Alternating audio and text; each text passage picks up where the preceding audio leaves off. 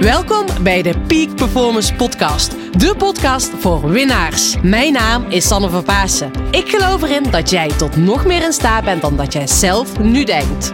In deze podcast interview ik inspirerende gasten en geef ik tips om structureel topprestaties te leveren. Hiervoor heb je een hoge energie nodig, die je met toewijding doelgericht inzet. Niet als een eendagsvlieg, maar juist keer op keer. En dat vraagt durf en lef. Wil jij met een energieboost en vol inspiratie je dag vervolgen? Blijf dan vooral verder luisteren. Come on and move your body now and feel the energy of life.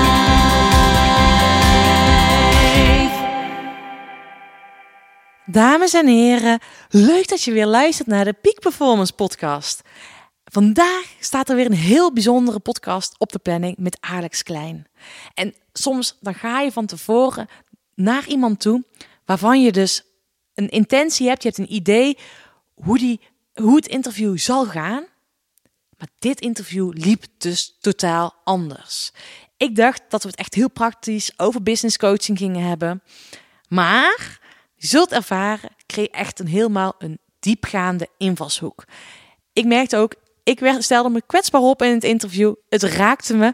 Je gaat het zien, je gaat het horen. En ik vond het echt heel bijzonder. Alex is een heel mooie man. Dus ga zo meteen luisteren van een waanzinnig mooi interview. Veel luisterplezier. En wat ik jou wil vertellen. Ik ben bezig met een boek. Misschien heb je het al gehoord. Ik ga een boek schrijven. Nee, niet ik ga. Ik ben bezig om een boek te schrijven. Begin volgend jaar, 2020, ligt mijn boek in de winkel. En ik zou het heel tof vinden, mocht je zoiets hebben. Sanne, ik wil alvast jouw boek bestellen. Ik ben een boek aan het schrijven met de titel Het leven, pas topsport. Ik help je nog meer, makkelijker, moeitelozer winnen zonder te verliezen. In zeven stappen hoe kan jij nog succesvoller zijn. En het wordt gewoon een heel waanzinnig mooi boek. Op het moment dat je voelt, ik wil jou supporteren, bestel gewoon even mijn boek. Kan je vinden op mijn site. En dat is easy peasy, sanneverpaasen.nl slash boek. Dus ik zou zeggen, ga even naar mijn site. En dan zou ik super leuk vinden als je mij support. En sowieso ga genieten van dit mooie interview. Doei doei!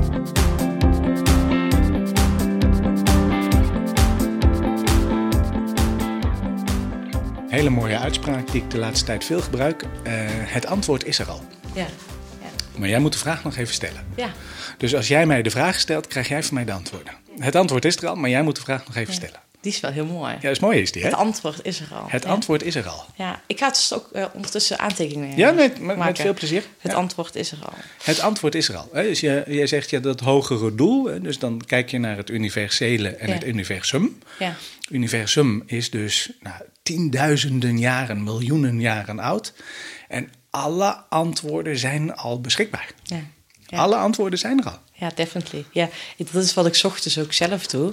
Ja. Ehm, en dat heb ik wel de laatste jaren geleerd. En dat had ik gewild dat ik dat tijdens mijn sportcarrière meer had geleerd. Ja. geleerd om zelf die vragen aan jezelf te stellen, Mhm. maar ook dan te schrijven of praten. Dus ik kan ook wel eens in de auto gaan zitten en dat ik dan zelf die vragen aan mezelf stel en dan al pratend dat je denkt, wat komt er nu uit me? Mhm. Eh, maar ook schrijven, dat is, weet je wel, ja, dat is echt zo bizar wat je dan eigenlijk gewoon, s ochtends dan schrijf ik op bijvoorbeeld, eh, waarmee kan ik vandaag verschil maken of hoe kan ik het vandaag leuker maken?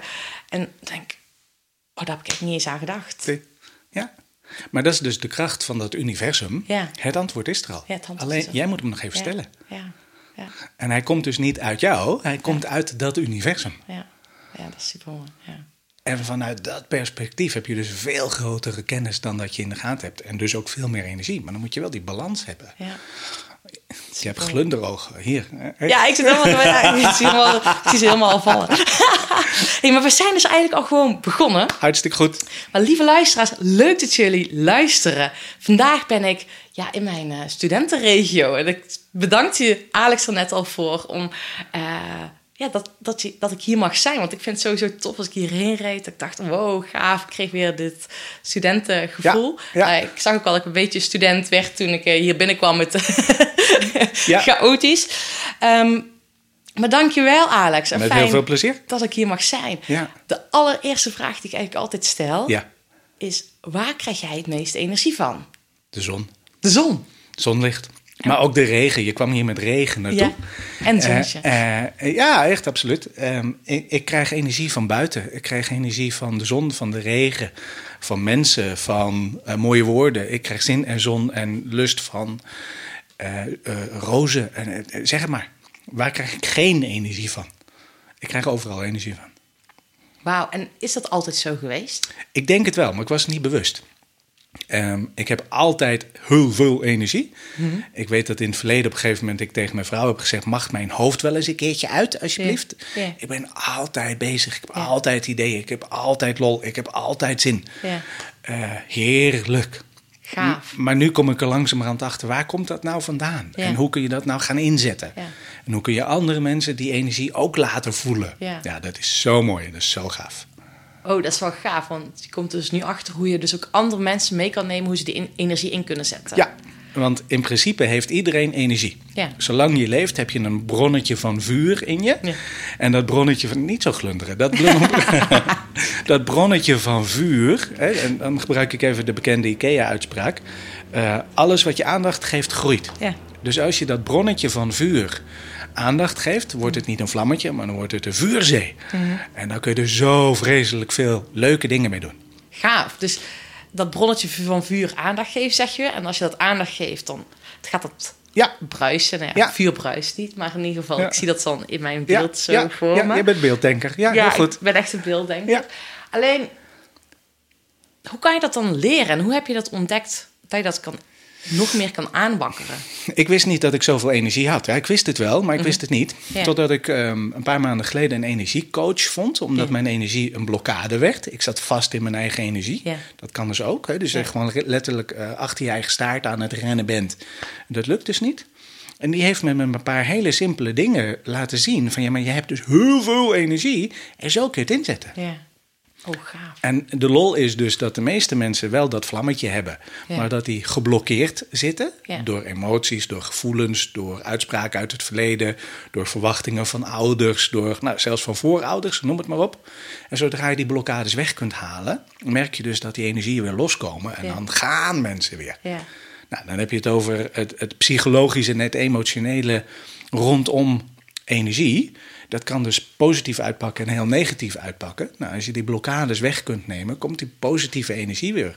Heb je dus minder last van je lijf, heb je minder last van blokkades, heb je minder last van emoties. En, kun je die kracht die van binnen zit dus echt gaan gebruiken. Ja. En jij merkt dus ook letterlijk dat je geblokkeerd werd, Ja, ja. fysiek gezien. Nee, nee, eh, eenmaal om me heen. Dus letterlijk lampen gingen aan en uit hier in huis. Ah, ja, ja, ja. op dat niveau. Ja, ja. Eh, eh, en en ik, ik zat vast. Ik, Ja. pff, er kwam van alles uit mijn handen. Routinematige dingen. Maar ik niet. Nee. Nou, en daar heeft ze me mee geholpen. En dan kom je erachter dat er dus zoveel meer is. Zo gaaf. Ja.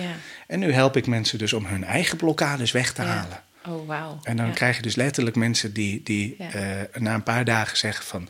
eh, de zon gaat weer schijnen Ja. aan de binnenkant van mezelf. Ja. En ik loop weer de hele dag met een grote glimlach rond. En ik kan veel meer. Ik ben van het roken af. Ik heb nooit meer eh, heuppijn. Ik heb nooit meer rugpijn. Mijn hoofdpijn is weg. Nou, dat zijn allemaal energieblokkades. Nou, hoe gaaf is dat om dat te mogen doen? Ja, heel mooi. Ja, Ja. ja. ik, ik, ik herken het ook helemaal eh, in mijn eigen werk ook. Ik had ook een klant van de week en die zei ook... "Oh, Sanne, wat er nu is gebeurd, snap niet, ik kan niet meer terug. Mooi is dat, hè? dat vind ik zo mooi. Ja. Maar als ik, hè, want je zegt ook... Hè, want sommige luisteraars zullen nu misschien wel iets hebben... waar hebben jullie het over? Energie is toch gewoon goed eten, slapen, eh, bewegen? Rust, ritme, regelmaat, reinheid. Ja, Mhm. zeker. Ja. Maar dan op de vier soorten van gezondheid. Mhm. Dat is lichamelijke gezondheid. Eten, rust en noem het maar op. Geestelijke gezondheid. Emotionele gezondheid en spirituele gezondheid. Er zijn vier soorten van gezondheid. Mhm, En veel mensen komen niet veel verder dan de lichamelijke gezondheid en denken dat ze daar al zijn. Nou, Mhm. Kijk om je heen, dan zie je een heleboel mensen die eh, tientallen kilo's te veel meenemen. Die zijn dus lichamelijk niet gezond, maar klaarblijkelijk emotioneel, spiritueel of geestelijk ook niet gezond. Want dat heeft alles met elkaar te maken. Ja. ja. En waar praatte jij net over? Welke van de vier topics praat je over de spirituele gezondheid of de spirituele energie waar je nu dus de laatste periode mee aan de slag bent geweest? Ja, de spirit. De spiritueel is vaak al heel erg zweverig, maar ik noem het even de spirit. Ja. De, de kracht, de zelfkracht die je hebt. Ah, mooi. Ja. En die zelfkracht is vaak heel ver weggestopt bij mensen. Omdat de emotionele blokkades, of de geestelijke blokkades, Ja. of de lijfelijke blokkades, die spirit wegdrukken. Ja, ja. Nou, en op het moment dat je erachter komt, zeg maar, waar zit die spirit en waar sta ik voor? Hè? Waar ga ik voor? Waar, ga, waar sta ik voor? Dan kun je er zoveel meer uithalen. En dat is zo leuk om te doen. Ja, super gaaf. Jij begint ook helemaal te glunderen, te stralen als je Oh erover praat. Absoluut. Ja, absoluut. Ja.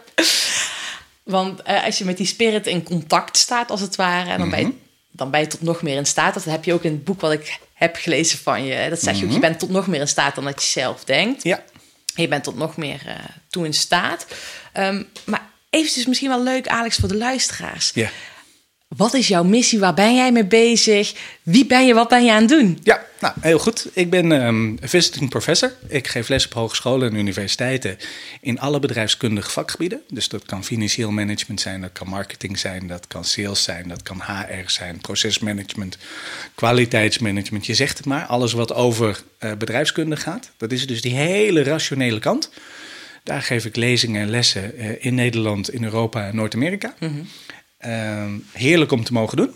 Ehm, maar de achterliggende vraag is eigenlijk: hoe kan ik jou meehelpen beter te worden? Beter te worden in je werk. Hoe kan ik jou helpen jouw bedrijf te verbeteren? Ehm, en vanuit dat perspectief kreeg ik op een gegeven moment inzicht van: hey, bedrijven lopen tegen hun grenzen aan omdat hun mensen niet doen wat ze moeten doen. Dus die leiders die ik dan sprak, hè, die leidinggevenden, zeiden: ja, die stomme mensen moeten dus gaan doen wat ze moeten doen. Ik dacht van, nou weet je wat, dan schrijf ik een boek over leiderschap. Ja. Nou, dus niet hè.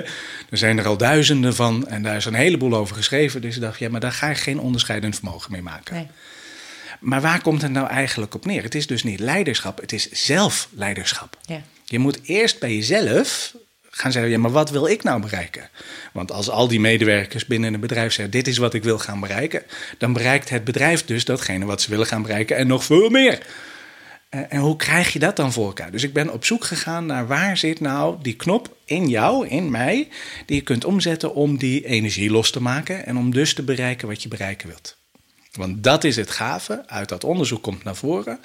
Alles wat je wilt, kun je bereiken. Ja, alles wat je wilt kun je bereiken. Luisteraars, luister even goed. Alles wat jij wilt, kan jij bereiken. Mits menselijk mogelijk. De, hè, je kunt geen vleugels gaan bouwen op jezelf, dat wil nog net niet. Mits menselijk mogelijk voor de mens die jij bent. Hè, als jij lichamelijke beperking hebt, Ja. wordt het natuurlijk wat lastiger. Ja. Maar mits menselijk mogelijk kun je alles bereiken wat jij bereiken wilt. Ja. Niet tegelijkertijd. Je moet een keuze maken. Maar alles wat je. En dat is een belofte die zo vreselijk mooi is. Alles wat je wilt, kun jij bereiken. Dat is heel mooi. Die is echt heel erg gaaf. En ik heb dus daar onderzoek voor gedaan, wat letterlijk tot 200, 300 jaar teruggaat en nog veel verder, hè, dus naar de oude Grieken toe. Uh-huh. En dan blijkt exact hetzelfde. Als jij focust op datgene wat je wilt en je weet dus de prioriteiten te stellen en je kunt je energie erop loslaten, bla bla bla bla, dan kun jij bereiken wat je bereiken wilt. Punt. Mooi. En wat wil jij nog bereiken, Alex? Ik denk mensen meehelpen meer uit zichzelf te halen. Ja. Als ik om me heen kijk, dan zie ik een heleboel mensen die misschien maar 20, 30, 40 procent van zichzelf echt benutten. En er zit nog zoveel meer in. En dat kan dus op liefdesniveau zijn, dat kan op gezinsniveau zijn, dat kan op werkniveau, dat kan op gezondheidsniveau, dat kan op krachtniveau. Ja, zeg het maar, dat doet er eigenlijk niet toe. Ja. Dus dat kan ehm, eigenlijk heel gek gezegd het oppervlakkige uit dat boek Doelbereiktheid zijn. Maar dat kan ook een stukje dieper zijn. Haal nou eens je eigen blokkades weg. Want die blokkades zorgen ervoor dat je niet kunt bereiken wat je bereiken wilt. Nou, vanuit het puur spirituele aan de ene kant en het knetterharde bedrijfskundige aan de andere kant. Jij mag het zeggen. Waar Ja. gaan we het over hebben Ja, vandaag? Ja. Ja. Nou, ik, eh, ik vind die combi wel heel erg leuk. Ja, Alleen, ik neig zelf dan persoonlijk veel meer naar dat spirituele kant. Omdat Mhm. ik denk dat dat voor veel mensen eh, ja, niet... Of een, een onbekend topic is. Of misschien wel ver weg van een bedshow. En misschien Ja. is het wel heel erg leuk om vandaag... eh, de luisteraar mee te nemen van waar ze zelf misschien wel concreet mee in actie kunnen komen. Of dat Ja. ze ze aan het nadenken zetten van... Ja. Oh ja, wat is er nog meer mogelijk? Ja, nou, en- en ik had gisteren een gesprek. gisteren, eergisteren een gesprek met een jonge man, 35. En die kwam naar me toe en zei: Ik heb last van een burn-out, denk ik. Ik zei: Wel, nee, jongen, dat heb je helemaal niet. "Ja, da- dan heb ik last van eh, midlife crisis. Ik zei: Wel, nee, jongen, heb je ook niet. Eh, dat zijn allemaal hele negatieve punten. Er zit negatieve energie in en jij hebt nog positieve energie. Ja. Je straalt nog lol uit. Ja. Ik zei: Maar ik, ik zit wel vast en mijn, eh, mijn hoofd zit en, en ik weet het niet meer. En ik zei: Weet je wat, je moet dus rust vinden. Ja. Want je staat namelijk altijd aan. Totaal niet herkenbaar. Nee, hè? je staat altijd aan. En dat altijd aan is in principe een heel mooi ding. Want het heeft je gebracht tot waar je nu bent. Ja. Die geldt natuurlijk ook net eruit voor jou, hoor, Sanne. Ja. Maar je kunt nog veel meer bereiken als je ze nu en dan ook even uitgaat. Ja. Eventjes tot rust komen, ontspannen. eh, en uit jezelf en uit het universum de antwoorden krijgen op de vragen die je stelt. Maar dat kan niet als je altijd aan staat. Mhm. Ja, ja. En hij stond dus altijd aan. En we zijn met hem, is dat gewoon in Den Haag, in een bar hebben we gesproken, twee uur lang. En ik heb hem oefeningen gegeven, zodat hij tot rust kon komen. Ja. En hij zei, ja, maar ik voel het vanuit mijn nek, naar mijn schouders, naar mijn rug, naar mijn onderrug. Ik voel gewoon brrr, die spanning wegvallen. Ja. En zei hij, oh, maar dit is gaaf. Ik zei, en dit kun jij dus gewoon iedere dag doen. En hij keek me aan, kan dat? En zei, ja, dat kan. En het leuke is, hij gaat, eh, eh, morgen gaat hij op vakantie. Twee weken. Gaat hij kitesurfen op Mauritius. Ik ben zo jaloers. Ik niet. Super gaaf. Heel gaaf. Ik zei, en wat je dus moet doen, is aan de ene kant lekker gaan surfen en gaan bezig zijn Ja. en heerlijk. Maar iedere ochtend en iedere avond eventjes tien minuten Ja. rust. Ja. En dan ga jij terugkomen van die vakantie een totaal ander mens. Daar ben ik 100% van overtuigd. Ja. We hebben die rustoefeningen twee, drie keer daar in dat hele drukke cafeetje gedaan. Ja. En hij zei, ja, maar, maar nu voel ik het verschil al. Ja. want dan kun je namelijk intappen op jouw zelfkracht, Ja. op jezelf. Op je... En het spirituele is zo, zo eh, zweverig en zo vaag. Maar, maar ga nou gewoon terug naar wie je echt bent, wie je zelf bent. Ja. Ja, dan kun je er zo vreselijk veel uithalen. Ja, en dat is, dat is heel mooi. Als je elke keer terug gaat naar jezelf, heb je dan nog concrete vragen die je aan jezelf stelt? Of naar die rust, hoe je dat concreet zou kunnen doen? Mhm. Het zijn twee dingen. Eerste is dus dat je die rust moet gaan vinden. Dat je dus even die uitknop aan je binnenkant Mhm. Ja. moet gaan vinden. Die zit verstopt in je binnenbuik. Mhm. En je binnenbuik zit ergens onder je navel. Op het moment dat je daar in gedachten naartoe gaat, Ja. dan zul je merken... Oh, zit jij lekker te kijken. Ja, ik ben, nu naar mijn buik aan het gaan. Ja, ben nu naar je binnenbuik aan het gaan. Ja. Daar ga je voelen dat je tot rust komt. Dat kan niet anders. Ja. Ehm, daar heb je twee minuten even voor nodig. En misschien, misschien vijf minuten. Maar op een gegeven moment kun je daar heel makkelijk, heel snel naartoe. Waardoor je die rust vindt. En als je die oerrust vindt, want dat is echt een oerrust. Dan ga je dus ook daar alle antwoorden krijgen op de vragen die je nog niet hebt gesteld. We begonnen zo net met de opmerking: alle antwoorden zijn er al. Ja. Maar je moet de vraag nog even stellen. Ja. Ook dat is een hele mooie belofte. Ja. Als jij naar jouw oerrust gaat aan de binnenbuik. Ja. Dit zijn weer woorden waar mensen van denken: wat zegt hij nou weer? Ja. Oerrust aan je binnenbuik. Dan ga je daar alle antwoorden krijgen als jij de vraag stelt. ja. En hoe stel je dan de juiste vraag? Door datgene wat jij op dat moment wilt weten. Dat, dat, dat, dat maakt niet uit. Ja. Die, die komt vanzelf. Ja. Ergens in de loop van de dag, in de loop van die week, Ja. krijg jij een antwoord op die je gesteld hebt. Ik stel het ook wel eens voor aan ondernemers. Ik zeg van, joh, als je nou vanavond naar bed toe gaat, stel jezelf één vraag. Niet zo eentje waardoor je de hele nacht wakker ligt. Dat is nou net niet de bedoeling. Maar gewoon één vraag waarbij je zegt van... Ja, maar hoe moet ik nou met die persoon omgaan? Ja. Of hoe krijg ik die nou gemotiveerd? Of hoe, welke keuze moet ik maken? Die machine of die machine? En s ochtends word je wakker En je hebt hem. en je hebt het antwoord. Want jouw hersenen gaan namelijk gewoon door als je slaapt. En maar dan op een manier die veel meer in contact is met jezelf... En met wat alles buiten je is. Ja. Eh, nogmaals, je moet dus wel ontspannen. Je moet dus wel gaan slapen. Ja. Stel jezelf de vraag, morgenochtend heb je het antwoord. Ja, dat is zo mooi. Ik, ik merk het zelf met het slapen doe ik het minder, maar wel wat ik straks tegen, ook tegen je zei, met Ja. het schrijven, dat ik die Ja. vraag aan mezelf stel met het schrijven. Ehm, maar ik ben wel heel erg nieuwsgierig hoe je zelf dit hebt ontdekt. En was er op het begin ook, hè, want ik weet van mezelf, ik ben zelf ook in een transitie geweest. En Ja. ook mede, je zei Sanne, hè, bij jou is dat ook wel eh, op met het aanknopje. Ja. Ik ben vroeger tijdens mijn sportcarrière, heb ik altijd aangestaan. Ik woonde hier in Wageningen, ik studeerde en ik deed even topsport. En ik behaalde even mijn master en ik won ook het wereldbekerklassement Ja, tegelijk. Ja. Vond ik heel normaal. Maar, en, dat, en sorry dat ik je onderbreek, dat is het ook. als je dat energieniveau kunt Ja. aan. En, en je kunt dus zo belachelijk ongelooflijk veel. Ja, ja. Maar goed, ga door. Nou ja, maar dat is wat je nu zegt, hè. Dat was bij mij op een gegeven moment... Ik kon het heel lang aan. Ja. Maar op een gegeven moment... eh, zit, bij mij gebeurde dat ik te veel in mijn hoofd zat. Dus dat ik niet genoegen nam om het wereldbeker te winnen. Ik wilde nog meer. Ja. Die master afronden, ja, dat was, stelde eigenlijk ook niks voor. Dus ik was ook niet echt happy. En ik ging maar door. Ja. En ik ben maar door blijven gaan, waardoor mijn energieniveau echt heel erg laag Mhm. werd. En ik kreeg echt, echt heel vage klachten. En ik, uiteindelijk wilde ik, op het begin zat ik nog in die weerstand dat ik een argument of een, ik wilde graag weten wat ik had Ja. op een briefje. Ik wilde, ik wilde graag geconstateerd hebben dat ik bepaalde klachten had. Ja. Eh, wat ook door een dokter opgelost kon worden. Maar Ja. niemand kon mij echt het antwoord geven. Nee. Tot ik an- eh, erachter kwam, al die antwoorden zitten in mij. En ik mocht inderdaad ook naar- terug naar die rust. Ja. Maar ik weet niet of je dat ook ervaren hebt. Toen bij mij die transitie inging richting de rust, kwam er ook heel veel weerstand. Tuurlijk. Je bent verslaafd geraakt aan door, door, door, door, door, door, door, door, door, door, door, door, door.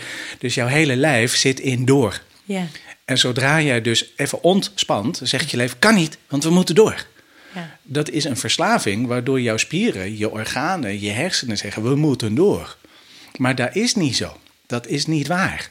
Eh, Het is een verslaving en iedere verslaving is negatief. Dus Ja. ook jouw sport Ja. was een vorm van verslaving. Definitely. Ja, dus betekent dat zodra je die rust krijgt en die ontspanning kunt gaan vinden, kom je veel meer in balans. Ja.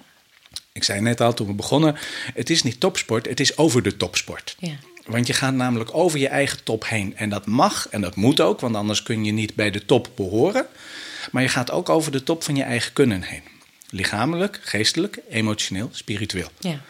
En het lijfelijke en het geestelijke was top, maar jouw emotionele en je spirituele was heel erg laag. Ja, Dus ja. je moet die weer in balans brengen. Ja. Er zijn heel veel mensen die rondlopen met inderdaad, ik wil graag op een briefje van een dokter, Ja. wat is er met me aan de hand? Ik heb een bloed, bloedarmoede, of ik wil een acne, of ik wil een Ja. dit, of doe mij maar een pilletje. Nou, dat pilletje is rust. Ja. Eh, en daar moet je eerst voor openstaan. En als dat zo is, dan ga je eigenlijk al jouw eh, kwalen weg kunnen werken. Ja. Ik heb net een boek gelezen, er komt ook een artikel online binnenkort. 95% luister naar wat ik zeg, hè? 95% van alle ziektes komen door chronische stress, leefomgeving en leefgewoontes. Er zijn 95. 95 van alle ziektes. Ja. Ik schrik, eigenlijk schrik ik er niet van. Maar die disbalans, Ja. die onbalans, zorgt er dus voor dat je ergens een energiedepot hebt ten positieve, ten negatieve. Ja. En daar krijg je last van. Ja. Op de lange termijn. Nou, herkenbaar bij jezelf, herkenbaar bij een heleboel mensen. En zodra je die rust vindt, kun je die balans weer terugkrijgen. En, en dus word je beter. Ja. Ik vind het wel heel mooi. En ik, het is wel schrijnend dat het ook echt zo is. Mhm. En ik zie ook in mijn omgeving, en waarschijnlijk herken je dat ook wel, dat veel mensen... Ze gaan op zoek naar het antwoord. Net als wat ik destijds deed. Ja. In die verkramping. Dit is het antwoord. Ja. Dan gaan ze, ze vanuit die verkramping naartoe. Want ze moeten het antwoord weten. Maar inderdaad, al die antwoorden zitten in zichzelf. In principe wel. Maar ik zie dan ook veel dat ze zichzelf niet vertrouwen. Of dat ze die antwoorden... Hè, want eh, dat heb je misschien ook wel herkend. Bij mij kwamen die stemmetjes wel op van Sanne. Ja. Het is handig om te rusten. Ja. Het hoeft niet. Ja. Je bent al goed zoals Mhm. het is. Je hoeft niet te presteren. Nou, zo kan ik wel even doorgaan. Ja. maar toen vertrouwde ik die antwoorden niet. Mhm. Alleen ik heb ook mogen leren om die antwoorden te vertrouwen. Je hebt moeten leren om op die antwoorden te vertrouwen. Ja. Want jouw lijf gaf namelijk heel duidelijk aan Ja, dat tot waar. hier. Voor mij was geen andere keus. Nee, je moest. Ja, ja. ja. En veel Hoe mensen- dat bij jou? Want heb je ook zo'n moment meegemaakt dat, Oh ja, absoluut. Ja, maar ik, had, ik liep hier helemaal vast in huis hè, met allerlei vreemde ervaringen. En het ging allemaal gek. En, en ik, ik liep vast. Ja. Ik ben naar een energiecoach toegegaan. Nou, ik als bedrijfseconoom en een energiecoach, ja, doei. Maar in twee sessies was het over, hè? Ja, super. Eh, en die energiecoach die zei letterlijk: ja, maar besef nou eens dat jij zelf dus heel veel energie hebt. Ja. Hè? Je bent een hele oude geest, of je hebt een hele oude geest. Ja.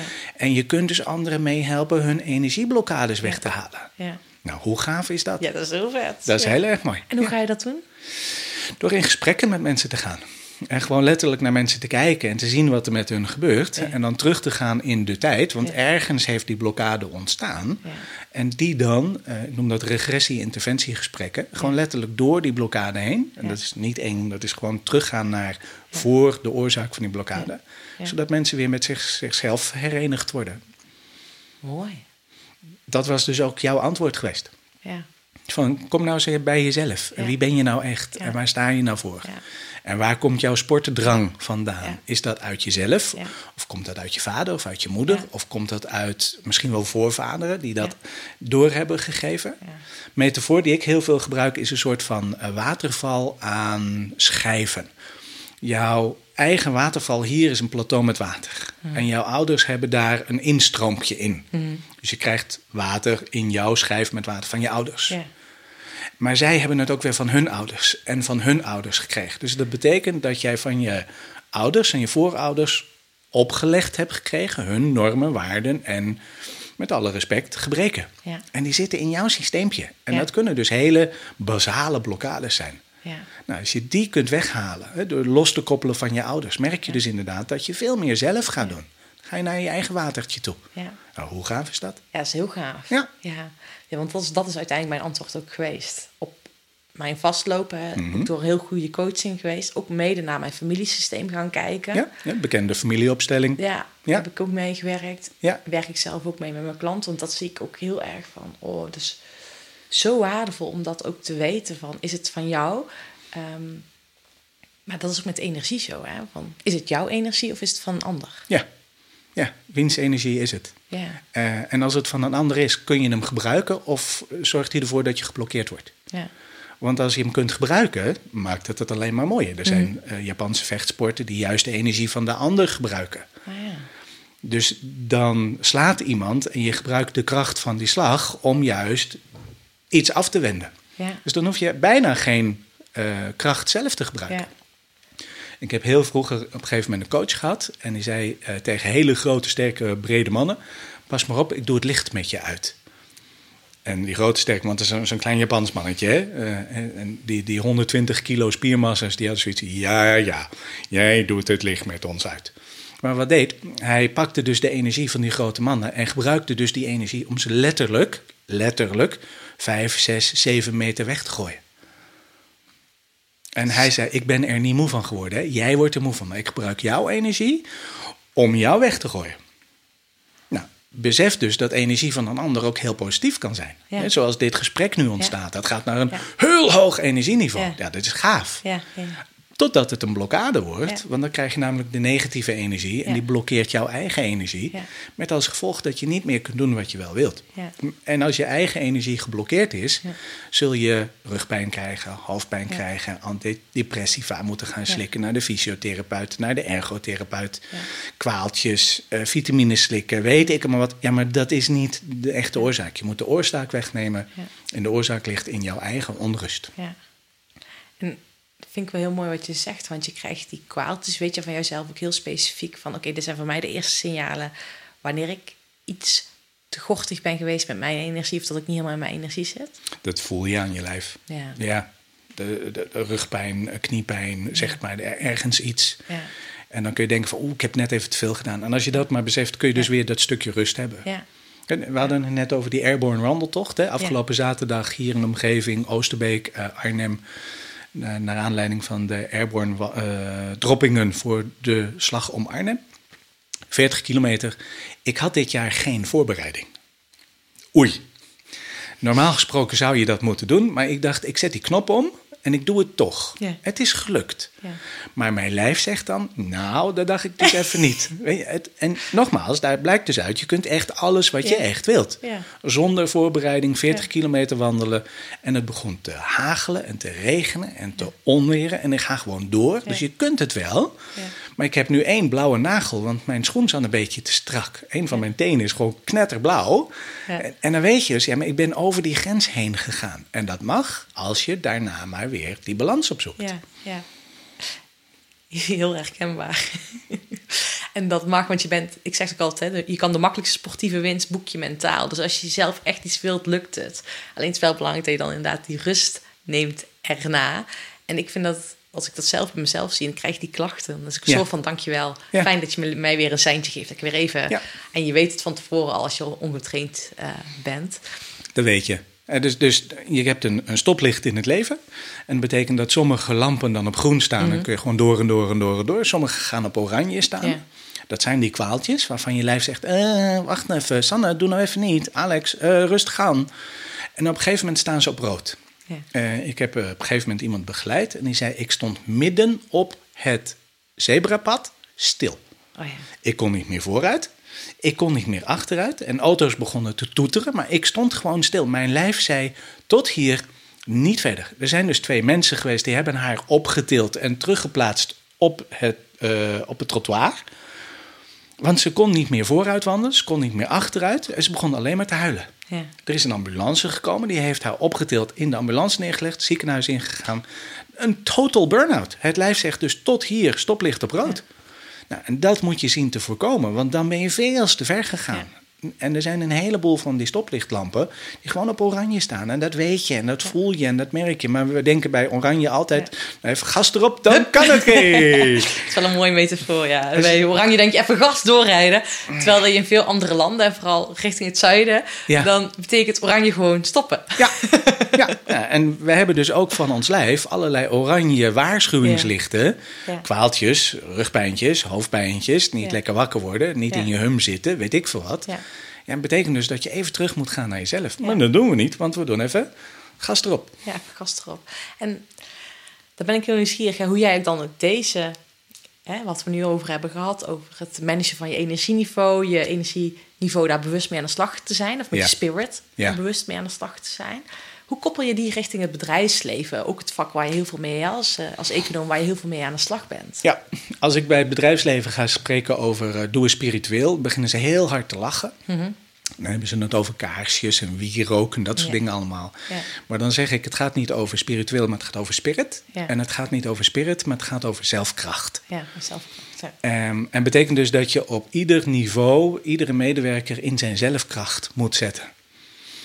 Ehm, en dat is een hele lastige. Maar zodra mensen dat in de gaten gaan krijgen, zodra HRM dat in de gaten gaat krijgen, gaat de productiviteit omhoog, ziekteverzuim naar beneden, omzetderving wordt minder. eh, er zijn, er vier soorten van ziekte. Eh wit ziekteverzuim. Je bent ziek en dus ben je echt weg. Dat mag. Je hebt zwart ziekteverzuim. Je bent niet ziek, maar je bent wel weg. Je hebt grijs ziekteverzuim. Dat betekent dat je ehm, wel ziek was, maar even iets langer uitziekt. Oh ja. Nou, dat mag dus officieel niet, maar je doet het wel. Hè? Je, hebt, je hebt een, ehm, een griepje van drie dagen en je blijft lekker de hele week weg. Ja. En je hebt ook roze ziekteverzuim. Een roze. En dat is dus als je wel ziek bent, maar toch naar je werk toe gaat. Ja. Betekent dus dat je ziek aan het werk gaat, collega's aansteekt en dus niet de productiviteit had die je wel zou moeten hebben. Ja. Dus als je op die manier gaat doorrekenen, gaat het letterlijk over tientallen miljarden aan kosten per jaar. Nou, laten we daar nou eens eh 1 of 10 procent afhalen. Dan heb je het dus over vele honderden miljoenen die je kunt voorkomen op het moment dat je met zelfkracht gaat werken. Mensen in hun balans en dus al die kwaaltjes niet. ja. Al die ziektedagen niet. En een gemiddelde ziektedag kost het bedrijfsleven tussen de 200 en de 400 euro per dag. Per dag. Nou, hoeveel ziektedagen heb jij in jouw bedrijf? Dus dan kun je meteen gaan narekenen, dat kost dus zoveel. Laat daar nou eens 20 procent, 1 op de 5 Nederlanders, ook weer zo'n leuk feitje, 1 op de 5 Nederlanders loopt met stress rond. Met alle klachten van dien. Waarschijnlijk lopen er ook een heleboel rond die die stress al wel hebben, maar er nog geen klachten van hebben.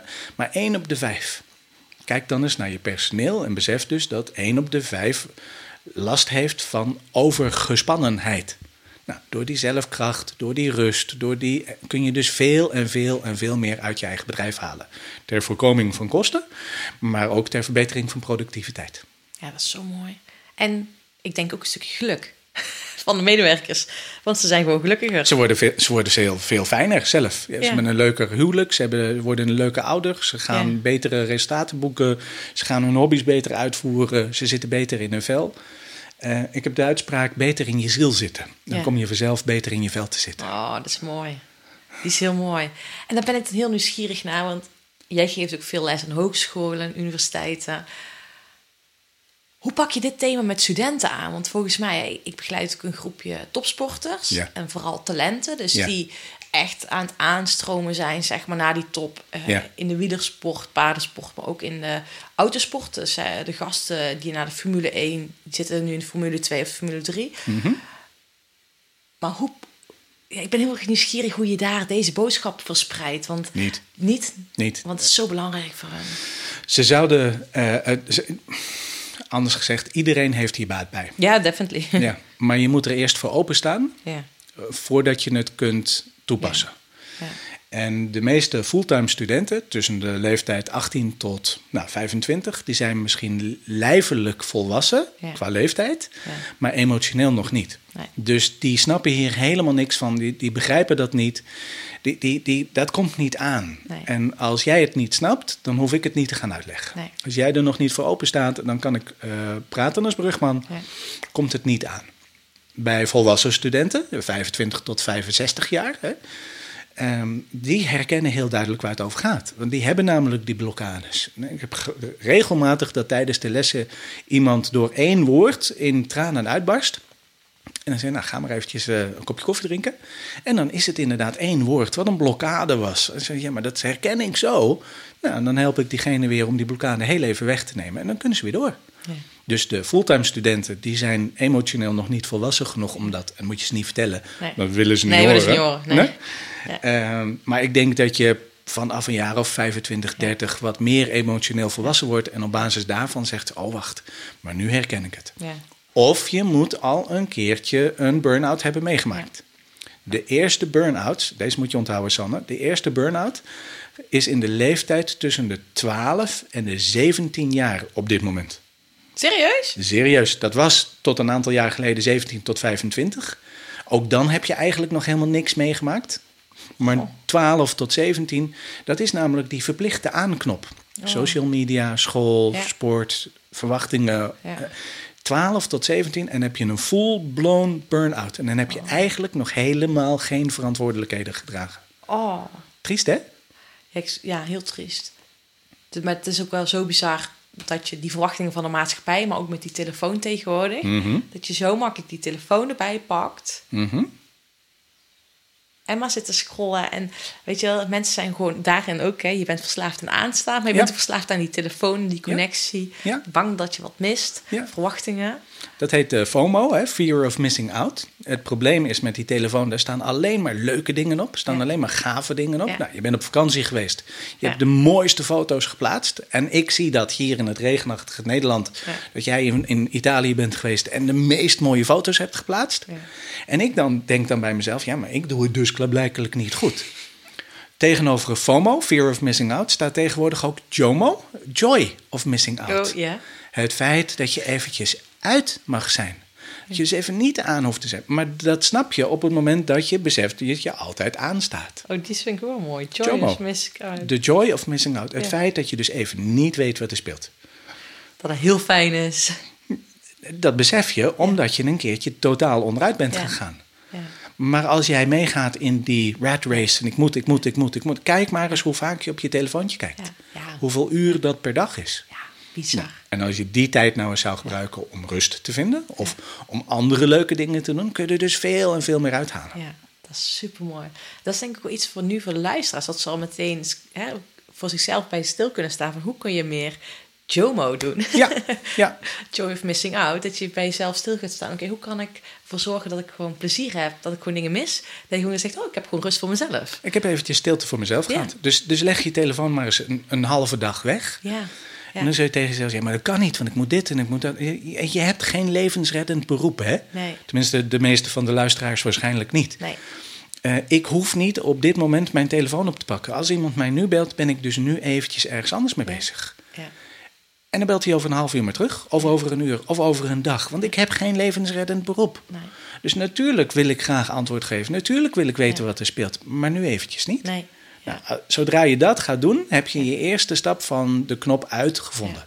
Is zo mooi. Ja. Dan zul je ook nog je hersenen uit moeten zetten. Dus gewoon eventjes rustig te mogen ontspannen. Ja. En dan heb je mindfulness en dan heb je ehm, meditatie en dat soort dingen. Maar gewoon eventjes lekker in het zonnetje zitten en kijken naar een vlinder die van de ene bloem naar de andere bloem gaat. Ja. En eventjes nergens anders aan hoeven te denken. Het hoeft maar een minuut, hè? Gewoon even genieten van dat. En je zult merken bij jezelf: Wow. hé, hey, ben weer opgeladen. Ja. En dan kun je weer door. Ja. En jij zegt ook, het hoeft maar een minuut. Hè? Dat is ook wat er heel vaak gebeurt, is dat we het in ons hoofd te groot maken van... eh, ja, ik, ik wil gaan mediteren, ja, dat doe ik een uur. Ja. Ik begin met 20 minuten. Ja, nergens voor nodig. Nee, joh. Nee, dat kan, Ja. kan een heel klein momentje. En mediteren is ook weer zo zwaar. Weet je, dan moet je een apart kleertje aan, dan moet je kaarsen neerzetten, wierook, moet een aparte kamer, moet een altaartje bij. Wel, nee, dat hoeft niet. Ga lekker op de stoel zitten, buiten in het zonnetje en geniet eventjes. Doe eventjes je ogen dicht, even rustig ontspannen. En dan kijk je maar naar een mooie roos. Gewoon eventjes, eh, er staan hier een paar rozen op tafel, dus vandaar. Eh, Dat je zegt van, oh Ja. kijk eventjes naar hoeveel blaadjes erin zitten. Ja. En zie eventjes het kleurverschil van een beetje paars naar een beetje roze. En geniet daar nou eens van. Ja. En kom over een minuut weer terug en zeg: Oké, dan ga ik door. ja, en wat mooi is ook van een roos, dat die binnenste beschermd wordt... en dat die steeds meer gaat bloeien en open komt te staan. En in ieder geval, dat zie ik dan ook weten als je dan aan het kijken bent, zie je nog veel meer. Ja. En vind ik ook mooi, als we net over dit thema praten... komt hier dus de zon zo echt gewoon zo bam die kamer binnen. Ja, ja, ja. Dus het zonnetje schijnt. Jij zei straks al toen ik hier binnenkwam. het, het zonnetje. Jij bent het zonnetje. nou ja, het schijnt, de zon schijnt helemaal hier nu. Ja, ja, gaaf hè? Heel gaaf om te zien. Ja, Ja. echt heel erg mooi. Eh, Alex, je vertelde net al, je bent ook met een nieuw boek bezig. Ik heb het boek, boek eh, gelezen, Doelbereiktheid. Ja, dat stom was- woord hè? Doelbereiktheid. Bereikt. Ja, doel, ja, de mate, hè, de- dat je, ja, jij zegt, daar hebben we het net al over gehad, dat je alle doelen kan bereiken als je er maar in gelooft en voor gaat. Ja. Een stukje visuali- visualiseert. Ja. Maar ook keuzes maakt, focus. Ja. Maar je nieuwe boek, dat gaat over een stukje energie, zei je net? Ja, klopt. Die is nog echt in een, een heel beginstadium hoor. Dus het, het zijn nu nog de artikelen. Eh, besef dat alles wat je wilt bereiken, kun je bereiken. Maar dan moet je dus eerst die balans in jezelf gaan hervinden. En op het moment dat dat lukt. Nou, en hoe vind je dat dan? En waar zit hem dat dan? En hoe zit het dan met energie? En hoe Ja. zit het dan met blokkades? Nou, ben ik echt nog aan het stoeien. Omdat dat dus veel verder gaat. En, en dan kom je op hele zweverige onderdelen uit. Maar ik wil het niet zweverig. Want Ja. ik ben simpel en eenvoudig en gewoon. En hoe kun je die kracht nou gaan gebruiken? Dus Ja. ik probeer die woorden te bedenken waarbij het zij zelf zegt: Oh ja, zoals die zelfkracht. Ja. Vind ik een prachtig woord. Ja, Zingeving. ja, Het geeft zin om iedere ochtend weer even wat te gaan doen. ja. Zingeving. Zingeving, ja. En dat mag heel groot zijn. Dat mag over een paar jaar een doel willen bereiken. Kan ook aan het eind van de dag wil ik dit hebben bereikt. Eh, En, en daar ben ik mee aan het stoeien. ja. Ja, en dat is een groeitocht, een stoeitocht die ik nu aan het maken ben. Dus eh, kom over een jaar terug, dan eh, praten we weer. En dan heb ik het boek gelezen en dan... maar ben je dan voor jezelf dat ook aan het onderzoeken? Ja. En, en eh, is dat een, eh, een geëikt of vastgepakt... ja. Nee, nee, dat zijn die vragen die je stelt op, in jouw oerrust. Ja. Om dan te zeggen, ja, en, en dan komt er vanzelf iets Ja. uit. Ja. Ehm, een heel mooi voorbeeld. Mijn vrouw en ik waren in eh, Cornwall op vakantie. eh, twee weken geleden. Ja, nu schiet er weer te binnen. Nee, schiet er binnen waar je bent geweest. Ja, Cornwall. Supermooi. Eh, het mooie van Cornwall is, dat is Zuid-Engeland. Maar Ja. daar staan de palmbomen op het strand. Want Ja. daar komt namelijk een warme zeestroom aan.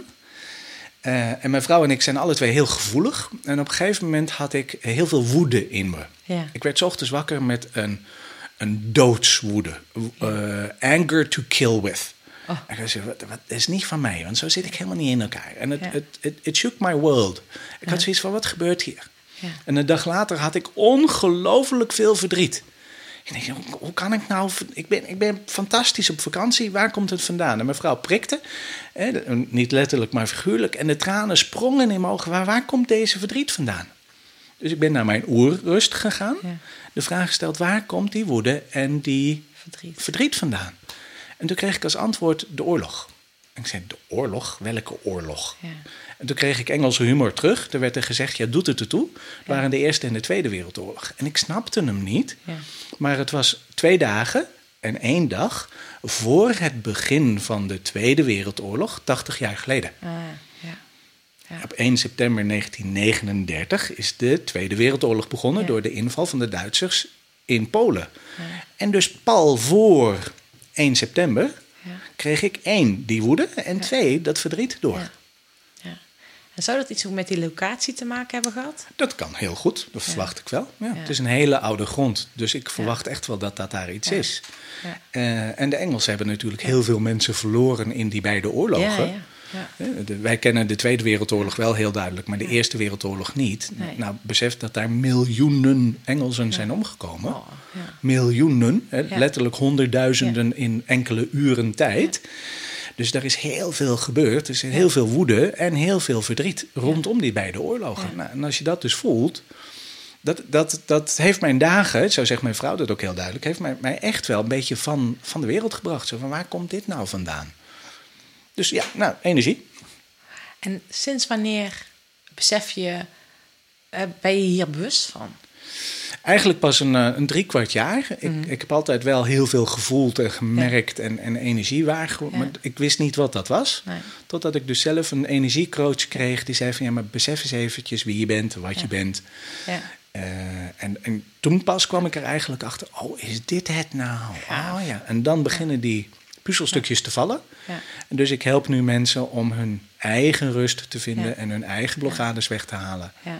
Eh, omdat ik het kan. Noem een cadeautje van het universum. Ja, heel mooi. Maar het is ook wel mooi eh, dat dat zo'n zo'n mega impact op jou heeft gehad, die energiecoach. Ja, ja, En wat ik ook wel bijzonder vind, ik had tijdens mijn vakantie een vergelijkbare situatie. ja, Ehm, wij waren met een grote groep op wat. ja. En vaak gaan we met z'n tweeën. Alleen nu waren we met een grotere groep fietsen. We gingen van de ene plek naar de andere plek.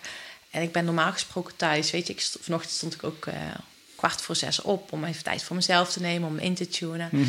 Ehm, maar dat deed ik daar niet. En waarom? Omdat je in die groep zit, je bent op pad en eh, ja, zo zeggen, de waan van de dag. Ja. En op een gegeven moment merkte ik gewoon dat er in een groep gebeurt ook van alles. En dat ik de energie van die groep op ging pikken, waardoor ik mezelf merkte dat ik gewoon, ja, je, je- voelt gewoon wat in je borrelen. Ja. ja. Ja. En ehm, daar kwam ik echt gewoon na een paar dagen achter dat ik echt voor even de moeite, voor, even moeite, dat ik echt even weer terug naar mezelf mocht gaan. Mhm. Dat is wel, eh, dat vond ik elke keer weer een hele mooie openbaring. Weet je, ook vooral als je op een andere plek bent, dat je ook nog weer extra bewust, maar je hebt ook weer andere invloeden. En, en het klinkt nu heel zweverig, hè?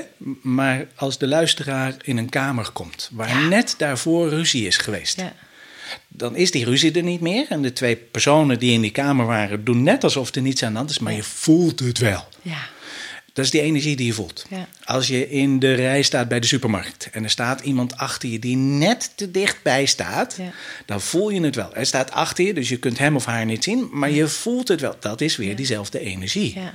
Dus het klinkt heel erg zweverig, maar dat is het dus niet. nee. Gewoon het besef. Eh, en, en het meest mooie voorbeeld is datzelfde zonnetje wat zo lekker straalt. Eh, ga in het zonnetje zitten en je voelt die warmte. Dat is ook energie van Ja. duizenden kilometers verderop.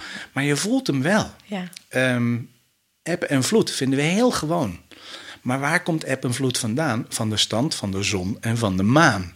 ja, Wacht even jongens, als er dus triljarden liters water door de, stand van de zon en de maan kunnen veranderen binnen de 6 of 12 uur per dag.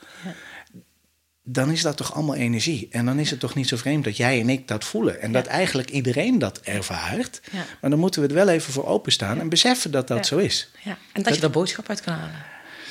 Ja, ja, maar dus ook dat die, die, die blokkades die je daarmee opwerpt om ze niet te accepteren, om er niet mee om te gaan, dus ook weer energieblokkades zijn en dus hele vervelende impact in jouw leven kunnen hebben. Ja, dat is wel een. eh, dat, hele, dat vind ik echt super interessant, hoor. Dat dat tot best wel grote consequenties heeft, kan hebben in je leven.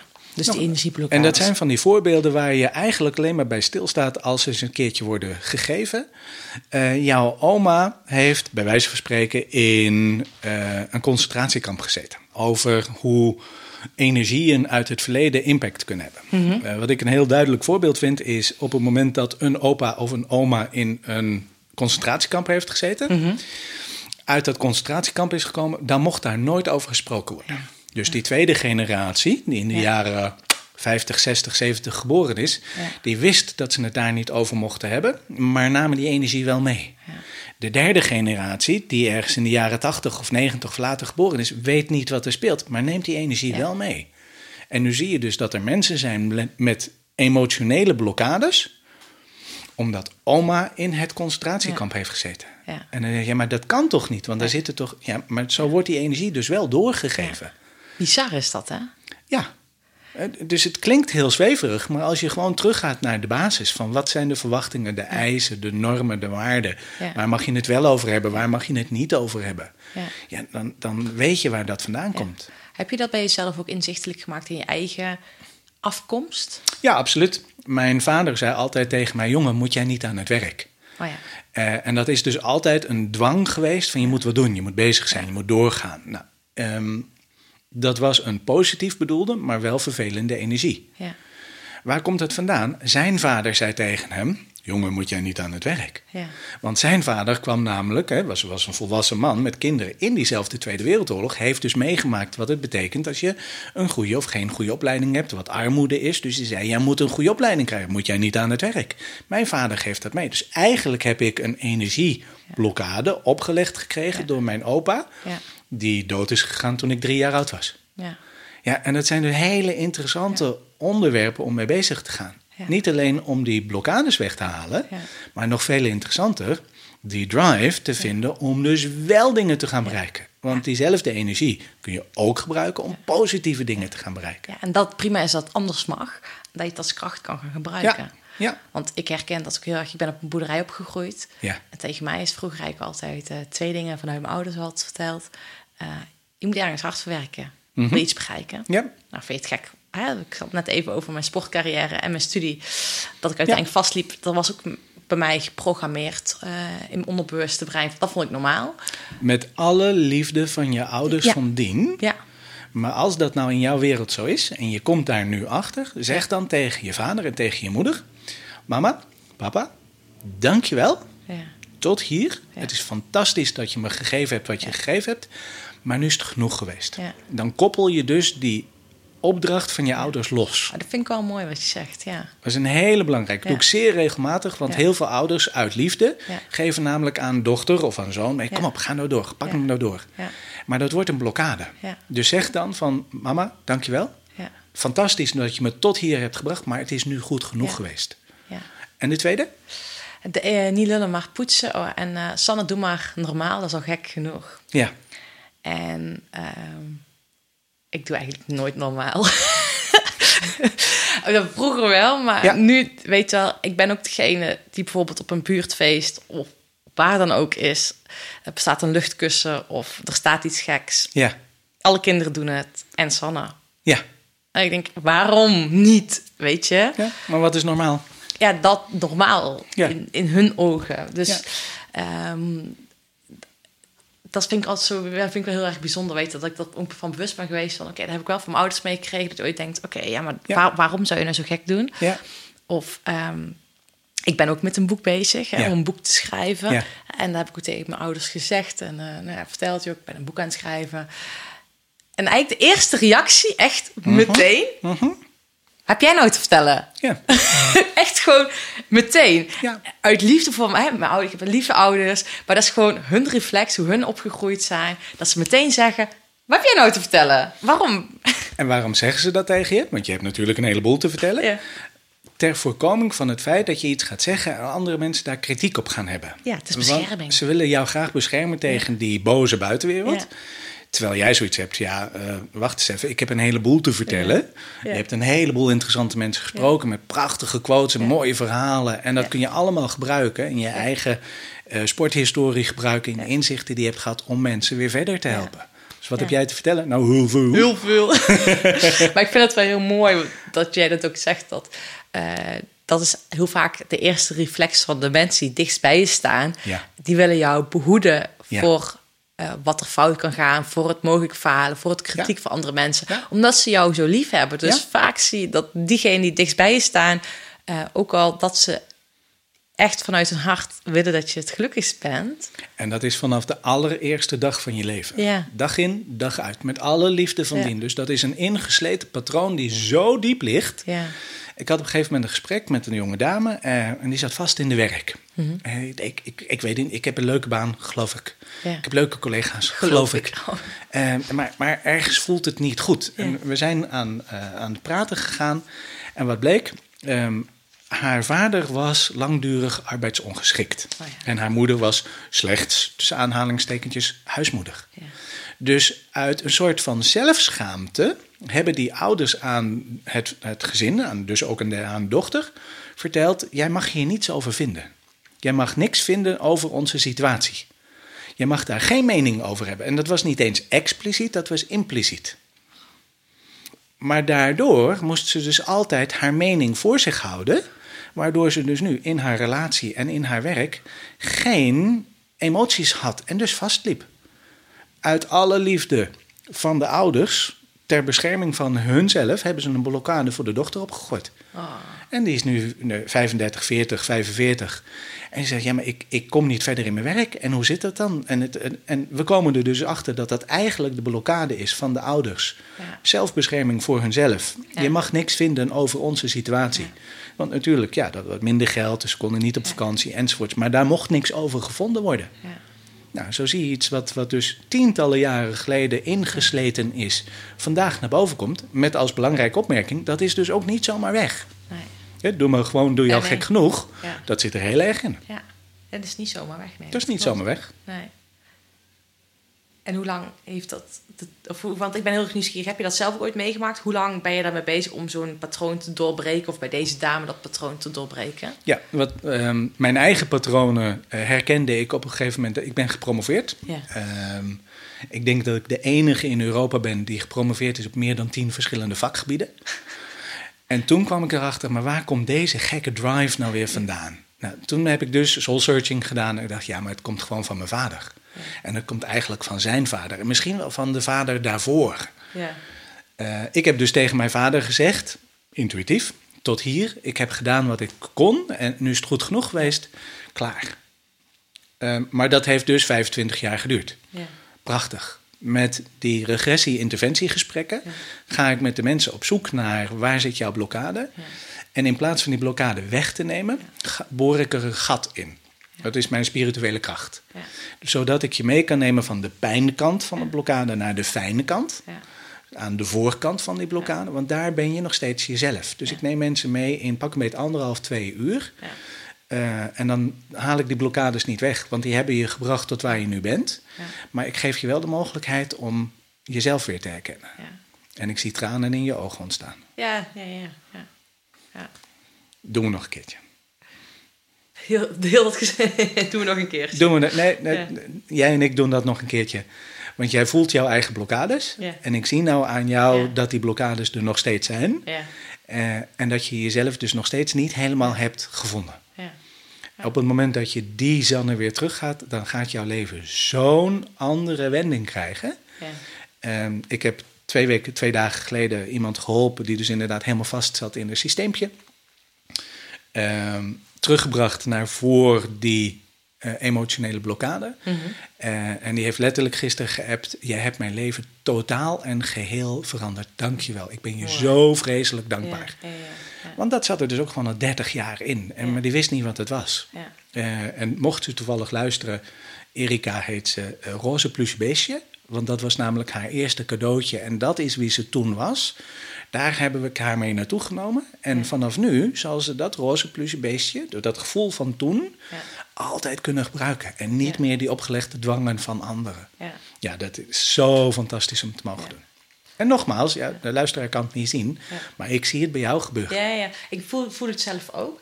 En wat er bij mij nu meteen opkomt, Ja. is dat ik... eh, eh, ik heb heel vaak het gevoel dat er gewoon iets op me zit. Hè, Ja. Van waar misschien wel waar, waar het vandaan komt. Vet, doe maar gewoon. Mhm. Eh, het stukje van, hè, ik ben met bepaalde dingen ook met mijn bedrijf, met mijn leven bezig. Weet je, wel, dat ik heel hard terug word geduwd. Van, weet je, wel, er wil iets uit. Mhm. Ja. ja, dat is eigenlijk als het ware wat ik heel vaak zeg. Ik, ik, loop tegen een plafond aan, als Ja. het ware. Ja. Ja. En, en, en ik denk dat je dat nu ook letterlijk ziet gebeuren. Van, Mhm. ik voel het op mezelf, ik ga meteen zo mijn handen bij elkaar. Je ziet niet dat je vastknijpt, Mhm. zeg maar. Ja. Het is wel bijzonder wat er dan qua energie gebeurt, ja. Ja, de, de bron van Zanne, de Mhm. energie van Zanne, eh, is door alle opmerkingen van en door alle gebeurtenissen uit je verleden eh, ingekapseld. Ja, Ehm, Ja. Ik heb het eerst benoemd als zijn een, een grote glazen muur. ja. Maar bij jou is het een doom geworden. Is het een soort van iglootje geworden.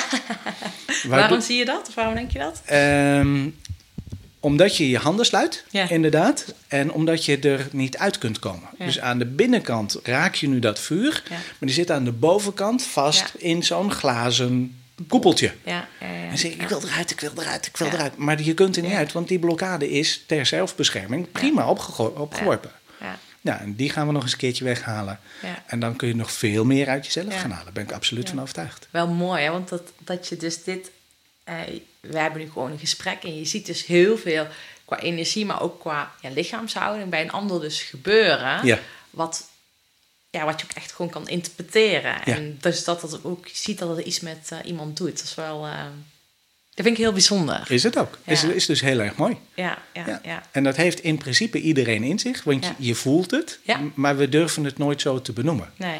En ook weer voor diezelfde luisteraar, wij kennen elkaar niet tot Nee. anderhalf uur geleden. Nee, nee, ja, per mail. Inderdaad, wij kennen elkaar niet tot eh, per mail. Dat klopt. En ik vind dat... ehm, oh, ik wilde iets vertellen. Ehm, ik vind het sowieso heel mooi hoe dat altijd ontstaat, die gesprekken. Weet je, dat je gewoon met die gesprekken aan de slag gaat. En dat, ehm, ja, dat er gewoon heel veel naar boven kan komen. Ja, En wat ik wilde vertellen is, hè, ik zeg ook altijd, ik begeleid winnaars, mensen die het beste uit zichzelf willen halen. En dat wil niet zeggen dat ze winnen, maar wel dat ze, wat jij zelf ook wel zegt, echt gewoon maximale, eh, weet je, hun doel willen behalen, gewoon happy zijn met wat ze aan het doen zijn, dat ze het voor zichzelf te Ja. kiezen. En, ehm, maar niet iedereen wil winnen. Dus ik, ik heb daar lang over nagedacht. Ja? Wat is succes? Ja, Succes is bereiken wat jij wilt. ja dat is. Ja. En dat, dus je hoeft niet te winnen. nee, Ehm, succes dat is kan in dus- mijn ogen dus winnen. Als je, succes, ja, als je eigen succes behaalt. Ja. Ja. Ja, maar wat is dan eigen succes? Dan moet je nog een stap verder gaan. Is, je je eigen doel bereikt. En wat is jouw doel? Nou, dat kan legio zijn. ja. Ik wil bijvoorbeeld een wandeling kunnen maken. Ik Ja. wil eh, vijf kilo overgewicht kwijt. Spaans. Ik wil Spaans leren. Dat is een van de voorbeelden die ik gebruik. Ik geef les aan de universiteit in Barcelona. Ehm doe ik nu voor het vijfde jaar. Dat is fantastisch, is grandioos. Mijn vrouw en ik vliegen die kant op. Wij noemen het eh, werkvakantie. Ja. Ik werk en zij heeft vakantie. Daarom werkvakantie, goede verdeling. Ja, ja, ja, ja. En natuurlijk is het ook voor mij vakantie. Maar dat Snap doet er ik. even niet toe. Dus wij hebben aan op een gegeven moment tegen elkaar gezegd... ik, ik wil Spaans leren. Ja.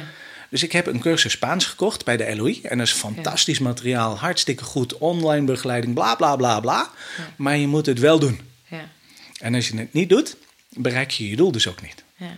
Dus daar komt mijn fantastische quote vandaan. Doe je wat je moet doen om te bereiken wat je bereiken wilt? En het antwoord is ja of nee. Ja. Dat is een hele leuke vraag. Ik herhaal hem.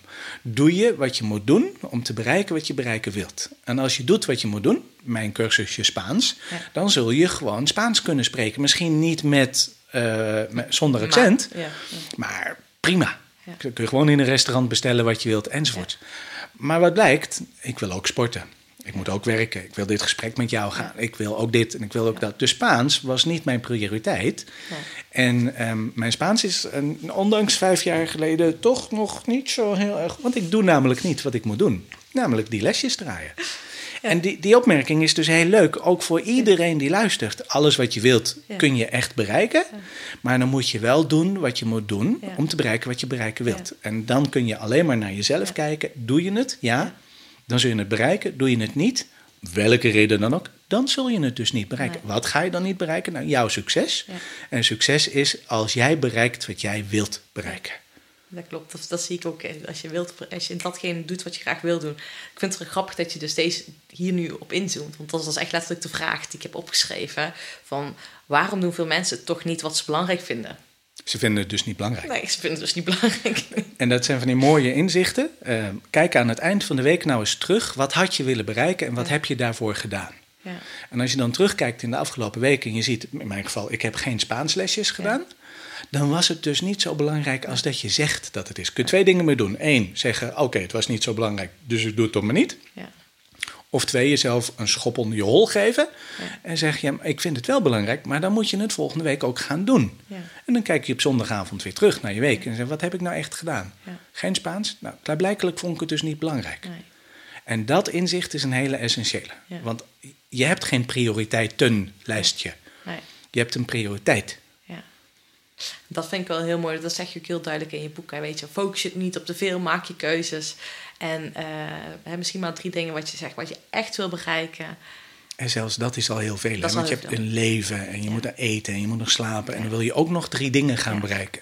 Zeker als die elkaar uitsluiten. Dus je kunt niet sporten en, en rusten tegelijkertijd. Je kunt niet eten en zwemmen tegelijkertijd. Dus als ze elkaar uitsluiten, dan heb je gewoon al heel weinig tijd over. Maak een keus.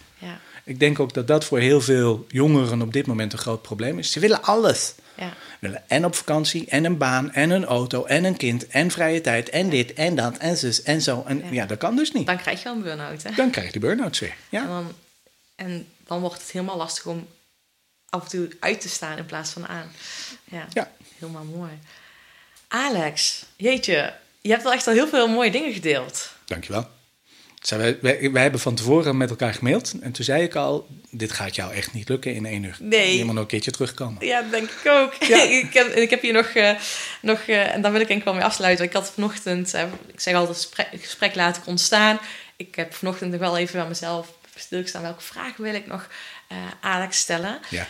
En ik heb hier nog één vraag opgeschreven. ehm, wat, wat ik ook nog wel leuk vind om mee af te sluiten, is ook een stukje praktisch. En je hebt al aan de ene kant ook al wel eh, aan het begin van deze podcast genoemd. Mhm. Is van welke, ja, ik noem het winstgevende routines. Van welke routines heb jij ingebouwd in jouw leven. Mhm. Die ervoor zorgen dat jij op jouw manier succesvol bent. Oké. Ehm, ik ga één stapje terug. Winstgevend of gewingevend? Dan is in jouw situatie waarschijnlijk even wat bij jou gewingevend. Ja, want winst betekent financiën. Ja. En dat is tot daar aan toe, maar, maar dat hoeft helemaal niet over Nee. winst of financiën te gaan. Gewin. Gewingevende routines. Ehm, ik denk dat dat terugkomt op één ding. Doe het nou in één keer goed. Iedere keer, de eerste keer, probeer het in één keer goed te doen. Dat is mooi, hè? Want als je puur in de wereld van het kwaliteitsmanagement kijkt, en puur naar het werk van een heleboel werkgevers, werknemers, die zijn dagdagelijks bezig met wat ik noem shit of yesterday. Ja. De dingen die gisteren niet goed zijn gegaan, moet je vandaag weer overnieuw doen. En dat is vlug ergens tussen de 25 en de 50 procent van je dagdagelijkse besteding. Als je dan nog één abstractieniveau hoger kijkt en je kijkt naar je eigen leven, dan merk je dus dat als je het in één keer goed doet, dat je veel meer tijd overhoudt. Dus probeer dingen nou in één keer goed te doen. En dat lukt niet altijd, dat geeft niet. Maar probeer het wel. En dan ga je heel snel voelen en merken dat je tijd en rust en energie overhoudt, omdat je niet de shit of yesterday hoeft op te ruimen. Probeer het nou in één keer goed te doen. Dat is een gewingevende routine. Want het gewin wat je hebt is de rust en de tijd en de energie. En dan komt dat winst, dat financiën, Vanzelf. vanzelf. Wauw. Heel mooi. Mooie, mooie routine om je af te sluiten. Doe het in één keer goed. Probeer het te doen. Probeer te doen, ja. Maar dat is, eh, ik denk, een hele waardevolle... Waar, ja, waar ik sowieso ook mee aan de slag ga... maar waar de luisteraars ook mee aan de slag kunnen Ja. gaan.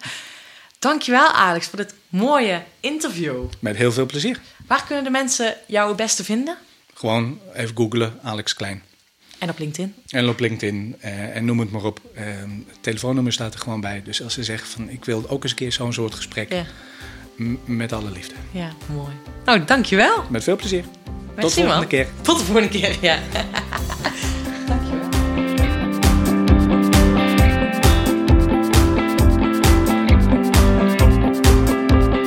Wow, dank je wel dat je weer hebt geluisterd naar deze mooie podcast-interview. Ik ben ook weer zo blij dat ik deze mooie, inspirerende mensen allemaal mag interviewen. En ik vind het zo tof dat jij iedere keer weer deze podcast-afleveringen luistert.